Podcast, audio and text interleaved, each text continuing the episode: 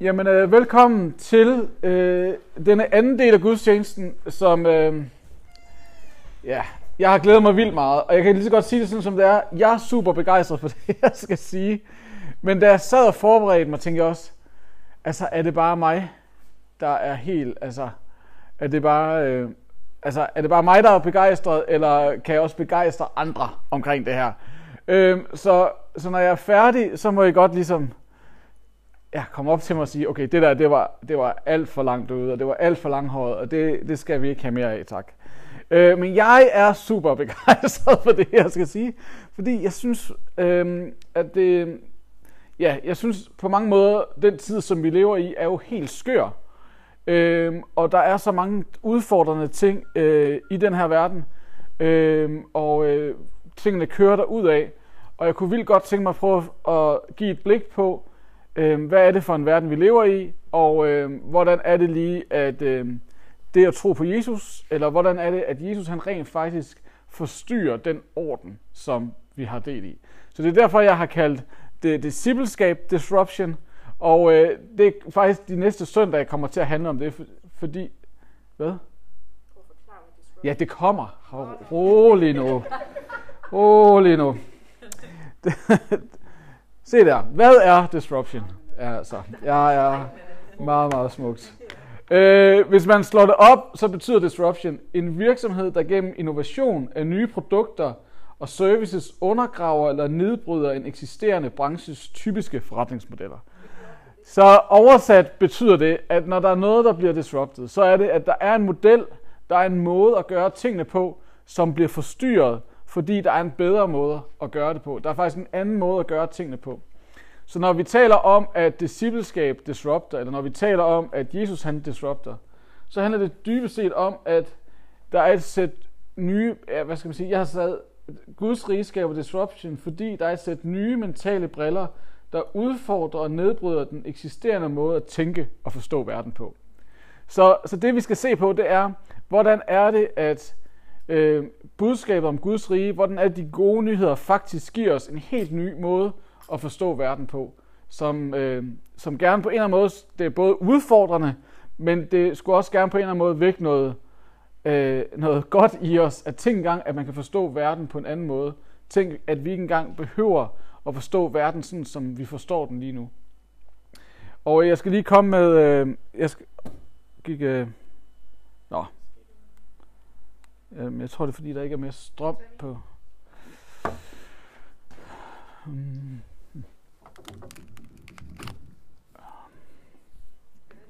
Ja. Yeah. Øhm, ja, så, men først så skal jeg bare lige sige noget omkring, hvordan at, øh, man kan se Jesus og kultur. At for det første, så øh, er der ting, som Guds rige og som Jesus fejrer i kulturen. Det er jo ikke sådan, at alt, hvad der sker i vores kultur, det er forfærdeligt. Der er faktisk ting, som vi kan fejre.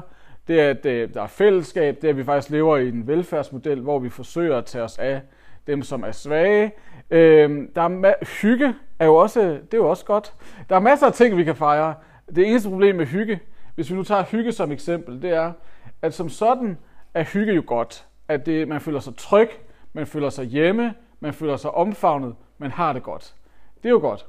Øhm, men samtidig så er der også noget ved hyggen, som Jesus han udfordrer. Fordi som regel, når danskere de hygger, altså så er der aldrig rigtig en ekstra plads. Øh, der er aldrig en ekstra stol rundt om bordet. Så er det bare for eksempel Inge og mig og Hanne og Claus, og vi hygger os, og vi har det godt rundt om kaffebordet.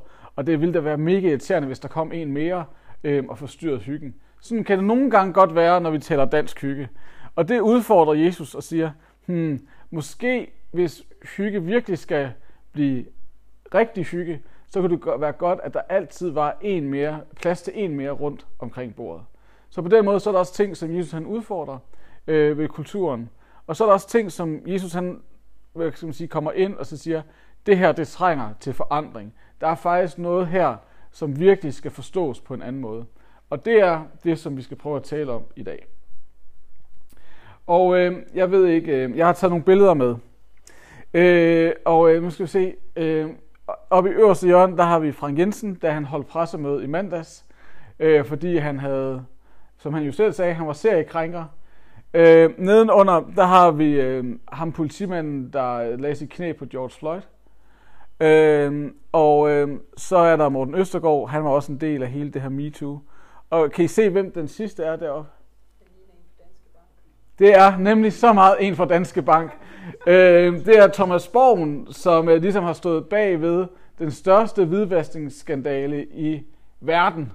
Øh, hvor at øh, Danske Bank, fordi de bare skulle tjene en masse penge, så glemte de at holde øje med, at øh, der var en masse narko og korrupte penge, der fløj igennem deres øh, filialer. Øh, så man kan sige, at og man kan sige, alle de, de her fire billeder er jo på mange måder udtryk for en verden og en kultur, som vi lever i, som er præget af grådighed ved Dansk Bank, sexisme, øh, krænkelser, racisme, at der er alle mulige ting, hvor den her verden, hvis vi i hvert fald kigger på de her ting, virkelig altså er bekymrende. Og det tror jeg ikke engang, at man behøver at være kristen for at sige. Jeg tror, at de fleste, når de kigger på den verden, vi lever i, så er der nogle ting, der er super bekymrende. At bankerne er mere og mere grådige, folk bliver mere og mere grådige, at øh, mennesker bliver krænket, at, øh, at der sker racisme, at der sker eksklusion. Altså der, der er masser af steder, hvor at vores kultur er, altså det er bekymrende, når vi kigger på det. Og øh, faktisk så er det ikke nogen overraskelse. Og det er det, jeg skal prøve lige at tage jer igennem her. En kæmpe hurtig historieforelæsning. Og det er nok der, hvor jeg tænker, åh oh, nej, jeg håber ikke, at I falder i søvn. Men jeg skal nok gøre det super, super hurtigt, og så skal jeg prøve at fortælle, hvorfor det faktisk er relevant. Okay? Okay. Okay, man kan sige, at det moderne projekt, det øh, har givet os en masse fantastiske ting, men der er også en slagside. Altså, da man for øhm, 200-300 år siden begyndte at sige, at sige, okay, man havde ligesom levet i et landbrugssamfund, og man havde, det var handlet om kongen, der bestemte alt, og man begyndte ligesom at sætte gang i en ny udvikling. Øh, så, øh, så, så var der mange fantastiske ting ved det. Mennesker blev sat frie, der var mere lighed, øh, der var, folk fik lov til at eje. Det, at vi kan bo i et hus i dag, og faktisk nogenlunde eje det, altså det er primært banken, der ejer det. Øh, men, men det der med, at man rent faktisk kan nogle ting, og har, kan selv eje øh, forskellige ting, det startede alt sammen her. Der er masser og masser af gode ting omkring det moderne projekt. Men det har også en slagside. Og vi skal prøve at se det her. Øh, hvad der til grunden skete. Øh, og hvorfor vi står i de problemer, vi står i i dag. Øh, øh, Rousseau var sådan en fransk filosof, øh, eller en svejsisk filosof, og han var ligesom kickstarteren for den franske revolution. Og han siger, man is born free, and everywhere he's in chains. Det, som han dybest set siger, det er, at mennesket, når det bliver født, er det jo frit. Men i løbet af den levetid, så bliver det holdt i fangenskab af forskellige strukturer og magtsystemer, og det skal vi have gjort noget ved. Vi skal simpelthen have sat mennesket fri, og der skal ikke være en konge, der skal ikke være nogen, der bestemmer over mennesket. Det skal selv få lov til, og heller ikke en religion, eller en altså Gud, eller nogen som helst andre. Der er ikke nogen, der skal bestemme, fordi det, der sætter øh, mennesket i lænker, er, når der er nogen, der bestemmer over det. Og det skal være slut. Og det er jo et meget sympatisk projekt, kan man sige. Øh, men det kulminerer ligesom med øh, Sartre i starten af 1900-tallet, som siger det her med, Existentialism's first move is to make every man aware of what he is and to make the full responsibility of his existence rest on him. Så det han siger, det er, at det eneste, som mennesket dybest set har at forholde sig til, det er sig selv. Øhm, og mennesket skaber sin egen tilværelse, altså sin egen eksistens og identitet igennem valg og handling. Altså man kan sige med Sartre, udover at det moderne projekt satte mennesket fri, så kan man sige, så kulminerede det også i, at man skrev Gud ud af ligningen. At fra, 1900, fra starten af 1900-tallet, så er Gud ikke en del af ligningen længere. Det er bare mig og mig. Og rigtig meget mig. Øhm, der er ikke andre, jeg rigtig kan stole på end mig. Øhm, og det, der samtidig så skete, det skete jo så lidt senere, i 68-generationen, det var jo så, at udover at, øh, at livet bare handler om mig, så handler det også bare om, at øh, vi skal sættes endnu mere fri, så vi kan følge alle vores lyster og drifter, og vi skal bare give den gas i alle ret. Altså, du ved, der er ikke noget, der skal begrænse mig. Altså, du ved, der er ikke nogen rammer. Og det, der sker i kølvandet på 68, det er, at øh, en, nogle, igen franske filosofer sådan taler om, hvordan at alle de store historier, alle de store fortællinger, alle de ting, der skal være med til at guide os, det er i gang med at falde fra hinanden. Øh, og det sker så i det her meget øh, berømte citat fra Lyotard, der siger, The grand narrative has lost its credibility. Altså de store historier har mistet deres betydning. Der er ingenting tilbage andet end dine egen lyster og dine egen drifter, og du skal bare give den gas. Okay? Så, kæmpe hurtig historielektion. Så ender vi fra 70'erne, kan man sige, og op til nu, så, så lander vi i en kultur, hvor du er i centrum. Der er ikke noget, der er større end dig selv. Du skal bare gøre, hvad du har lyst til, og der er uanede muligheder. Det er grænseløst. Og nu kommer jeg med en super... Nu stikker jeg hånden ned i en vipserede. Øh, fordi at på mange måder, så, øh, så når vi så oplever, altså når vi oplever de her ting, grådighed, sexisme, krænkelser, systemisk racisme, det er jo ikke så mærkeligt, at det ligesom, altså, at det kommer. Fordi vi har sat mennesket fri til bare at gøre, hvad det vil. Altså, du ved, der er ingen, der er ingen kort at navigere efter. Det er bare at give den gas. Og, øh, og nu prøver jeg lige at sige noget. Nu skal jeg se, om jeg kan sige det rigtigt. Og I må meget gerne være uenige, så skal I bare speak op. Men når vi har en MeToo-skandale, skandale, som vi har i dag, så er det helt forfærdeligt. Altså fuldstændig forfærdeligt. Altså, det er det. Men vi lever også i en kultur, som de sidste 40-50 år har sagt, du skal bare gøre, hvad du har lyst til. Altså, du skal bare gøre, hvad du har lyst til. Og det, altså, og det er ikke for at undskylde nogen mænd, men, men, men man kan sige, en af skyggesiderne, en af slagsiderne, noget af det, som det producerer, det er jo også mænd, som faktisk ikke, altså, de, kan, de, kan ikke, de har ikke et indre kompas, fordi de har kun sig selv at forholde sig til. Og, øh, og jeg synes, altså på mange måder synes jeg også, det er vores kulturs skyld, at vi har skabt nogle, altså vi har skabt, hvad skal man sige, en kultur, hvor den slags kan udvikle sig. Jeg siger ikke, det er kulturens skyld, og at Frank Jensen ikke selv kunne gøre for det. Det kunne han virkelig, virkelig meget. Men vi har virkelig også skabt et fundament for, at den slags kan ske. Er det for meget sagt? Nej, nej okay, men alle mændene siger, nej, det er det ikke. Øhm, øh, men, nå, men, men der er noget i vores kultur, som på en eller anden måde virkelig giver grobund for nogle skyggesider, som handler om grådighed, som handler om, at det er mig, der skal have alle ting, som handler om, at jeg kan sagtens udnytte andre, fordi det er mig, der er i centrum. Øh, der, vi, har ikke, øh, vi har sagt, der er uanede muligheder, der er ingen grænser, så vi har ikke noget at navigere efter. Og, øh, og det er selvfølgelig kæmpe, kæmpe udfordrende. Og man kan sige, altså forskellige forskere har snakket snak om det her spænding mellem fuldstændig frihed og fangenskab. At, øh, at hvis vi lever i et samfund eller en kultur med meget sådan tydelige, klare regler, øh, så kan det blive super manipulerende, og det kan blive meget, vi taler også om social kontrol i øjeblikket i medierne. Altså, hvis der er nogle meget, meget, altså, det er sådan her, du skal leve, øh, så er der en, øh, en sociolog, der hedder Manuel Castells, der taler om, at det som man, det kan godt være dejligt at være et sted, hvor der er mange regler, men han siger, det har potentialet til at gå fra at være himmel til helvede.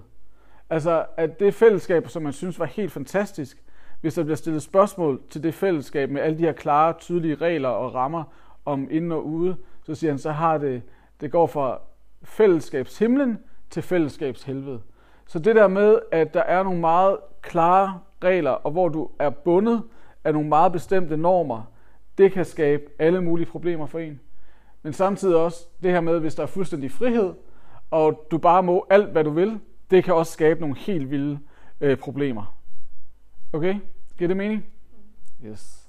Godt. Øhm, så det, som vi skal finde ud af, det er jo, hvordan er det, at det at følge Jesus, det at være en disciple af ham, det sådan på en eller anden måde forstyrrer og disrupter den der fuldstændige frihed, som har nogle virkelig sådan øh, uheldige konsekvenser lige nu. Hvordan er det, at det at tro på Jesus, det rent faktisk øh, er med til at vise en anden måde at være menneske på?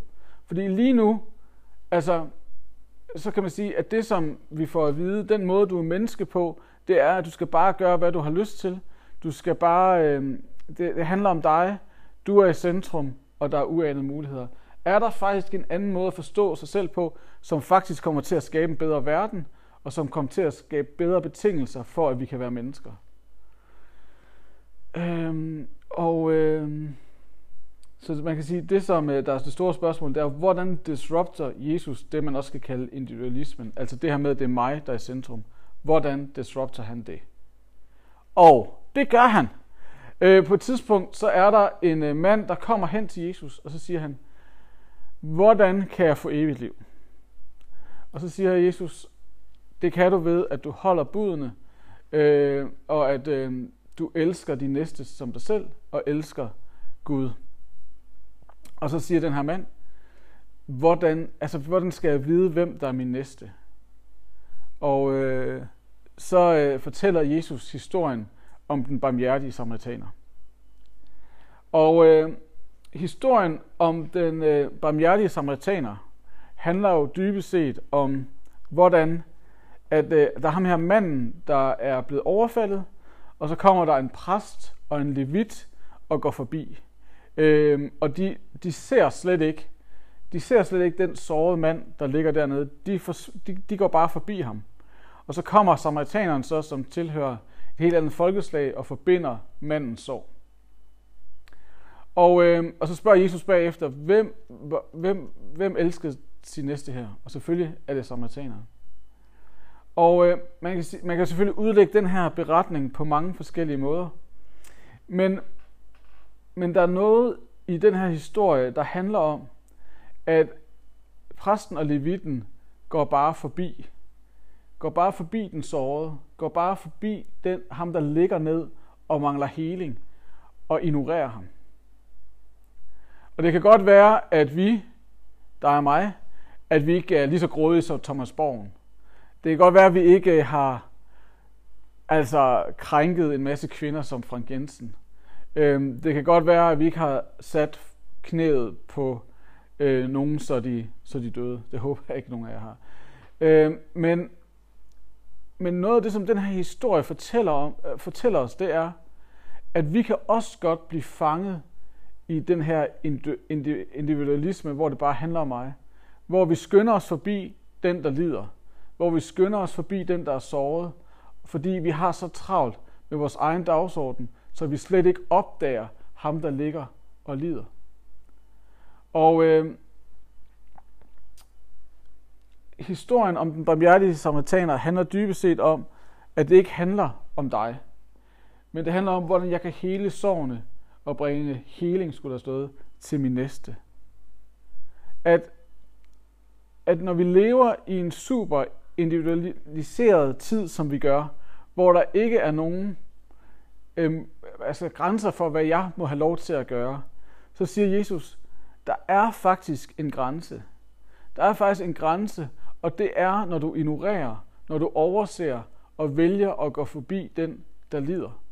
Og det kan behøver ikke at være sådan fysisk, men, men det der med, at når vi ignorerer dem, som faktisk har brug for fællesskab, når, når vi ignorerer dem, som føler sig ekskluderet, når vi ignorerer dem, som ligger og råber efter hjælp, så der skal vi stoppe op. At der er en grænse for, hvor meget det handler om dig. At når der er nogen, der lider i blandt jer, når du ser nogen, der lider, så skal du stoppe op, og så handler det ikke om dig, men så det handler det om, hvordan du kan bringe heling, hvordan du kan bringe velsignelse til andre. Og må jeg lige tage 5 minutter mere i jeres tid. Fordi nu bliver det rigtig fedt.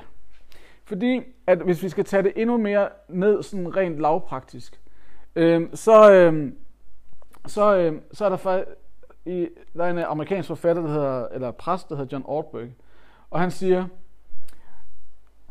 der, der, der er to ord, som i Bibelen beskriver vores attitude imod og vores sjæle øh, i forhold til andre mennesker. Og den ene er at velsigne, og den anden er at forbande. Og nu bliver...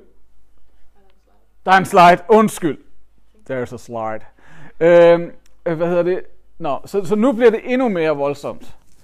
Det som John Ortberg han siger, det er, at, at øh, det, det som Jesus i grunden forkynder, og det som Bibelen forkynder, og det som kristendommen forkynder, det er, der er to måder, vi kan forholde os til hinanden på. Enten velsigner vi, eller også så forbander vi. Og, øh, og det er selvfølgelig nogle meget voldsomme udtryk, særligt det der med at forbande. Øh, men han siger, at enten så er vi her for at bringe heling og genoprettelse til mennesker omkring os, eller også så kommer vi til at fordømme dem eller forbande dem. Og nu skal jeg prøve at definere, hvordan øh, det er. Øh, det at velsigne, det er at vil overføre alt det gode til et andet menneske. At ønske al Guds godhed, favør og formål forløst i et andet menneske, så det bliver virkeligheden, de lever ud af. Altså, hvem vil ikke gerne have det? Al Guds godhed, og at det bliver virkeligheden, vi lever ud af. Altså, det er det at velsigne, at ønske det allerbedste for vores næste. Det er sådan, det er at velsigne. Og, øh, og i en super individualiseret tid, som vi lever i, så er det ret svært at ønske det allerbedste for vores næste. Fordi så får jeg jo mindre. Hvis den anden lykkes, så lykkes jeg jo ikke. At det handler om mig, og mig, og mig, og mig. Men Jesus han siger, der er faktisk en anden måde at leve på, som handler om at velsigne, som, altså, som handler om at ønske det bedste for vores næste. Og det er fordi, at du er allerede velsignet. Du er allerede velsignet. Du har allerede Guds godhed. I, i første Mosebog, øh, i skabelsesberetningen, så inden at mennesket gør noget som helst, så siger Gud om dem, I er velsignet af mig. Du har fået adgang til al min godhed og min favør, og jeg ønsker, at mit formål bliver forløst i dig. Så du er allerede velsignet. Og jeg ved godt, der er nogle af jer, der sidder og tænker, ah, ikke, not so much. Men, men faktisk, så er det det, der er sandheden om dig. Du er velsignet. Du har al, hvad skal jeg, al Guds godhed og favør øh, og formål forløst i dig. At, at du er velsignet allerede, fordi du vælger at tro på Gud. Og derfor så kan du også være med til at velsigne andre. Så du er allerede velsignet. Du behøver faktisk ikke mere. Okay, og det der med at forbande, hvad er så det for noget? John Ortberg, han, han, øh, han definerer det sådan her, at forbande er at afvise Guds intentioner for et andet menneske, hvilket producerer dysfunktion og ødelæggelse i vores og de andres liv. At hver gang, og, og det som John Ortberg han sådan udfordrer os til, det er, at hver gang vi ikke velsigner et andet menneske med Guds bedste ting, så forbander vi dem i grunden, fordi at vi ikke ønsker Guds bedste intentioner over deres liv. Og det er helt vildt udfordrende. Altså kæmpe, kæmpe udfordrende. Og øh, jeg tror, vi alle sammen har oplevet faktisk at leve med forbandelse. Øh, de fleste af os har oplevet, at der er mennesker, der har såret os. De fleste af os har oplevet, hvordan at der er ting, der er blevet sagt over os, som er løgn. Hvor der er nogen, der har sagt, du er for tyk, eller du er for grim, eller det forstår du ikke, eller, eller hvorfor er du på den måde? Vi har alle sammen oplevet de der ting, der er blevet sagt ned over os. Og vi oplever faktisk, at der er et kæmpe sorg. Og, øh, og vi ved faktisk ikke helt, hvad vi skal gøre med det. Fordi vi har oplevet, hvordan det er at blive forbandet af et andet menneske. For mange, mange, mange år siden, øh, jeg skulle næsten til at sige, da jeg i et andet liv, men det var faktisk i mit eget liv. Så skulle jeg fra, øh, så skulle jeg, så, så var jeg i en kirke, og var blevet spurgt om at arbejde i en anden kirke i København. Og øh, så da jeg skulle fortælle ham her, fyren, jeg havde været i et ungdomsarbejde, og så skulle jeg over et andet ungdomsarbejde. Og øh, så dengang, da jeg fortæller ham, at nu stopper jeg her, fordi jeg skal arbejde et andet sted. Så sagde han til mig, Thomas, det der, det vil aldrig lykkes for dig. Du vil ikke lykkes med, og du har slet ikke det, der skal til for at starte sådan et ungdomsarbejde. Og, øh, og det skabte et eller andet inden i mig, som sådan et kæmpe sorg, hvor jeg i flere år dybest set handlede ud af, at jeg skulle bevise, at det kunne jeg godt.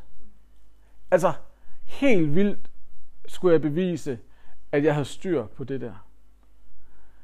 Og, øh, og det, var, det var helt vildt svært at finde forløsning for det. Fordi det var det, der drev mig. At nu skulle jeg vise, at jeg ikke var så forbandet, som han havde i grunden har sagt. Men det oplevedes som en forbandelse, jeg skulle arbejde mig ud af.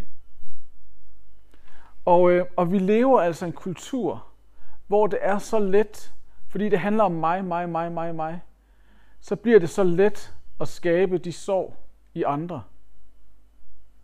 Helt vildt lidt. Og øh, som, øh, nu er jeg meget John Ortberg-fan i dag, han siger, You can curse someone with an eyebrow. You can curse someone with a shrugged shoulder. I have seen a husband curse a wife by leaving just the tiniest delay before saying, Of course I love you. The better you know someone, the more subtly and cruel can you curse them. Altså, det er rimelig alvorligt. Og, øh, men det, som der er de gode nyheder, og det, som Jesus virkelig fortæller os, er de gode nyheder, det er, at du er velsignet. Han har velsignet dig, så du kan velsigne andre. Hvis du ikke tager imod velsignelsen, så bliver det svært at træde ud af det, som vores kultur fortæller os, at det handler om dig, dig, dig, dig. Og så kan man sige, så kan vi let komme til, måske ikke i sådan Thomas Borgen og Frank Jensens øh, skala, komme til at forbande andre, men måske som levitten og præsten, der ignorerer den sårede, som ignorerer den, som ligger og bløder, fordi vi kun har os selv for øje. Men det, som de gode nyheder, det er, at vi, vi kan faktisk leve et liv i velsignelse. Vi kan faktisk leve et liv, hvor vi velsigner andre, fordi vi allerede er velsignet. Vi behøver faktisk ikke at sige, at det bare handler om mig, mig, mig, mig. Fordi jeg har allerede fået velsignelsen af Gud. Han har allerede elsket mig. Han har allerede set mig. Og derfor så handler det ikke om, hvad jeg kan få ud af det her samfund, hvad jeg kan få ud af det her liv, hvad, hvordan jeg kan rave til mig, fordi jeg har allerede fået alle Guds gode velsignelser. Jeg har allerede adgang til alle Guds gode velsignelser. Så det betyder, at jeg faktisk kan stå op om morgenen, og så kan jeg spørge mig selv, hvordan kan jeg velsigne andre i dag? Hvordan kan jeg hele andre? Hvordan kan jeg bringe genoprettelse til andre? Hvordan kan jeg være en forskel for andre mennesker? Så det ikke handler om mig, men det handler om, hvordan jeg kan elske og bringe heling ind i andre menneskers liv. Jesus, han disrupter hele det moderne projekt, der siger, at det handler om dig, og der ikke er nogen grænser. Der er en grænse, hver gang vi ignorerer, hver gang vi negligerer den sårede og den, der ligger og, øh, og, og lider, så overtræder vi grænsen. Men, men hvis vi tager imod det, som Jesus han siger, så siger han, du er velsignet. Du har allerede det, der skal til. Fordi det, som det moderne projekt jo også fortæller os, det er, at du har ikke alting endnu. Der er faktisk mere at få. Men Jesus han siger, du har allerede alt det, du behøver. Så derfor kan du være til velsignelse for andre. Og, øh, og jeg havde, jeg var bare, så, så det som der er udfordring til os, nej, det som jeg vil sige, det er, at nogle af os, vi kan let tage imod vores kulturs mantra om, at det handler om mig, fordi at vi er såret. Fordi vi aldrig har fået forløst det der, hvor der er nogen, der har sagt de der løgne og har forbandet os. Og det, som Jesus han ønsker at gøre, han ønsker at være den barmhjertige samaritaner i dag og i dit liv. Han ønsker at stoppe op ved dig i dag og forbinde de sorg, der har været i dit liv, hvor mennesker har såret dig og, og efterladt dig på jorden. At Jesus han ønsker at stands op ved dig i dag og forbinde de sorg, sådan så det, der har været forbandelse, det kan blive til velsignelse. Så det er den ene ting. Og så den anden ting, det er, at Jesus han længes efter, at vi træder ud af mantraet om mig, mig, mig, og vi begynder at spørge, hvordan kan jeg leve et liv til velsignelse og heling af andre? Og vi gør det hver morgen. Tænk engang, hvis vi alle sammen stod ud af sengen i morgen tidlig, og så sagde, i stedet for at, sige, i stedet for at sige, hvordan kan jeg tage mundbind på i dag, og hvordan kan jeg sikre mig selv, at alt går godt i dag for mig? Tænk engang, hvis vi så i stedet for sagde, hvordan kan jeg bringe velsignelse og heling til mennesker omkring mig i dag? Altså prøv lige at tænke på, hvilken forskel i en dag vi vil få, og hvordan vi vil forandre ting omkring os, hvis det var det, vi gjorde. Og øh, hvad hedder det, i går, øh, så skete der en af de ting, fordi jeg jo godt vidste, at jeg ligesom skulle tale om det her i dag, øh, hvor at øh, jeg var ude at løbe, og, øh, og det har jeg fortalt nogle gange før, men, men i går var det sådan lidt halvmørkt, da jeg var ude at løbe. Øh, og øh, så kom jeg løbende, og så var der en dame, der steg ud af en bil. Øh, der var altså ikke vildt mange mennesker sådan på vejen. Og så sagde Gud, altså så var sådan, Gud han sagde til mig, du skal faktisk sige til hende, at hun er elsket og velsignet. Og, øh, og jeg kunne mærke, at jeg havde det virkelig skidt med det, fordi at der var så mørkt lige der, hvor jeg løb. Og hvis jeg ligesom løb hen til hende meget stakåndet, og, og ligesom sådan, altså, I ved, og der var helt mørkt, hvordan ville hun så lige reagere på det? Øhm, men, øh, men så steg hun, ja, total MeToo-krænker-agtig potentiale.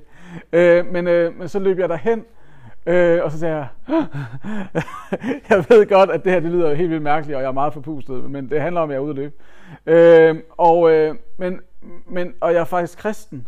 Øh, og dengang da du stod ud af bilen, så sagde Gud til mig, at du har brug for at høre, at han ser dig, og at du er elsket, og han vil det allerbedste for dig. Og så, da jeg sagde, så, så, jeg sagde det, så sagde hun bare, ej mand, det var lige det, jeg havde brug for at høre den her morgen. Fordi jeg har lige øh, været ude for noget, der ikke var særlig rart. Så det er så utroligt at høre, at Gud han ser mig. Øh, og så gav vi hinanden en albu, og så, og så løb jeg videre. Og jeg tænker bare, at det er jo det, som... Jeg fortæller ikke for, at, du ved, at jeg er cool og smart. Men jeg, men jeg fortæller det dybest set, fordi at når vi begynder at stille det spørgsmål til Gud, hvordan kan jeg bringe velsignelse og helbredelse til mennesker omkring mig i dag, så begynder han at vise os, hvordan at vi kan være til forandring og opmundring og heling for andre mennesker omkring os.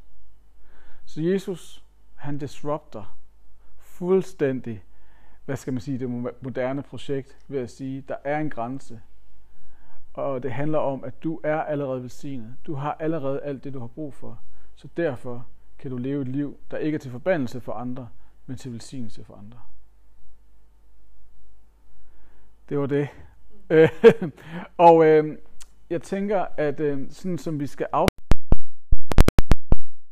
øh, at der er mange af os, der